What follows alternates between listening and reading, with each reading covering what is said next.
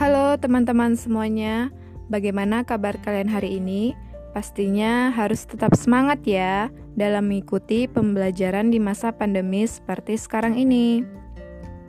Sebelumnya, saya akan memperkenalkan diri saya terlebih dahulu terhadap kalian semua.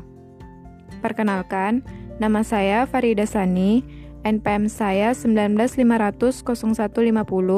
Saya mahasiswa Prodi Manajemen Fakultas Ekonomi. Oke, teman-teman, baiklah. Sekarang kita akan memulai pembelajaran kita kali ini yaitu mengenai tentang bab 10 kesesuaian kebijakan ekonomi konvensional dalam kebijakan pembangunan. Pembahasan yang pertama A. Pandangan pokok analisis mikroekonomi. Teori mikroekonomi terutama menganalisis unsur-unsur yang paling kecil dalam kegiatan suatu perekonomian seperti kegiatan para pembeli dan para penjual dalam suatu pasar.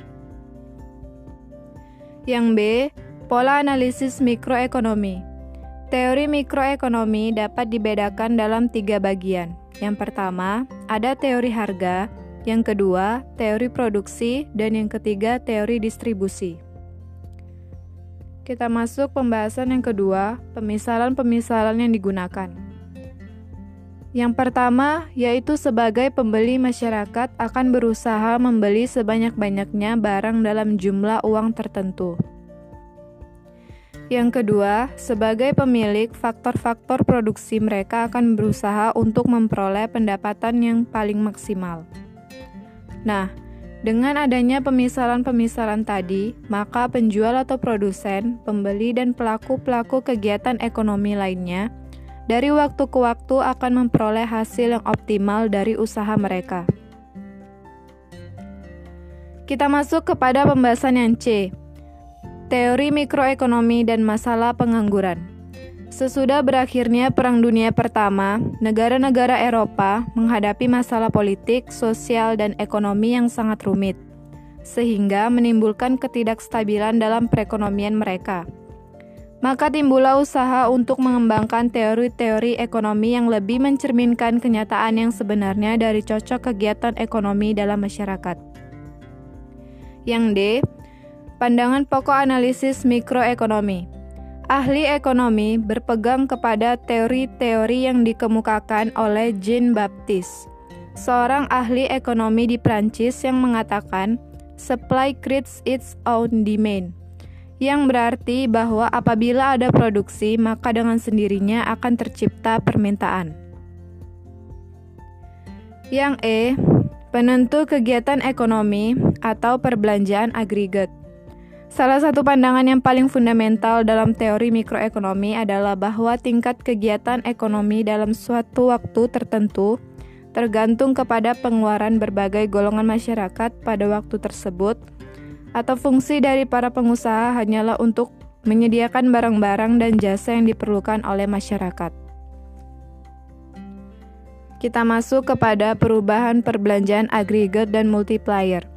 Ini disebabkan karena perubahan dalam salah satu atau gabungan dari ketiga jenis pengeluaran tersebut akan menciptakan suatu proses yang akan ter menimbulkan suatu rangkaian tambahan pendapatan dan pengeluaran yang baru. Lalu ada bentuk kebijakan pemerintah.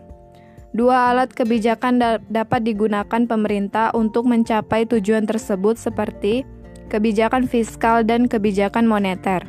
Pemerintah haruslah berusaha untuk yaitu yang pertama menyesuaikan tingkat pengeluarannya sehingga keseluruhan pengeluaran dalam perekonomian akan mencapai atau mendekati tingkat pendapatan nasional pada tingkat kesempatan kerja penuh. Dan yang kedua, mempengaruhi tingkat pengeluaran masyarakat agar sesuai atau pada tingkat yang menjamin terciptanya tingkat kesempatan kerja penuh.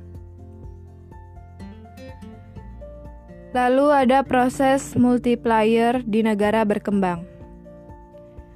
Yang pertama yang diramalkan dalam proses multiplier yaitu dapatlah disimpulkan bahwa jika suatu perekonomian menghadapi masalah pengangguran, maka haruslah dilakukan pertambahan dalam pengeluaran masyarakat. Hal ini tergantung kepada dua faktor, yaitu yang pertama besarnya kecondongan konsumsi marginal, dan yang kedua besarnya jurang di antara pendapatan nasional pada kesempatan kerja penuh dan pendapatan nasional yang sekarang tercapai. Kita masuk A. Proses multiplier dalam kenyataan. Di negara berkembang, pengeluaran yang berlebihan mungkin akan mengakibatkan inflasi walaupun dalam perekonomian tersebut masih terdapat banyak pengangguran. Ini disebabkan karena yang pertama yaitu kemampuan perekonomian tersebut akan menambah produksi lebih terbatas kalau dibandingkan dengan kemampuan negara maju. Yang kedua, cara kegiatan ekonomi negara berkembang sangat berbeda dengan negara maju.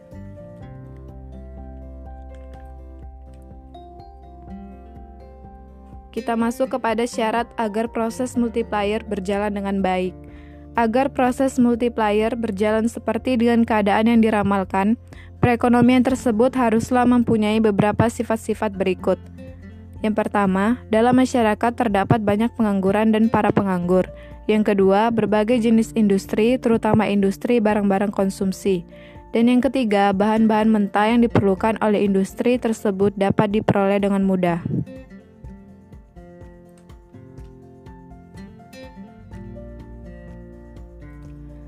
Lalu kita masuk kepada kebijakan fiskal di negara berkembang. Kebijakan makroekonomi yang kedua adalah kebijakan fiskal, dengan tujuan untuk menciptakan tingkat kesempatan yang tinggi tanpa inflasi.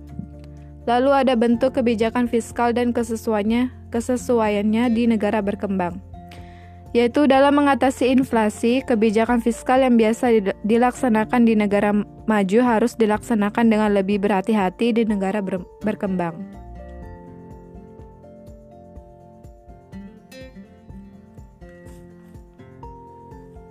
Lalu kita masuk kepada peranan kebijakan fiskal di negara berkembang.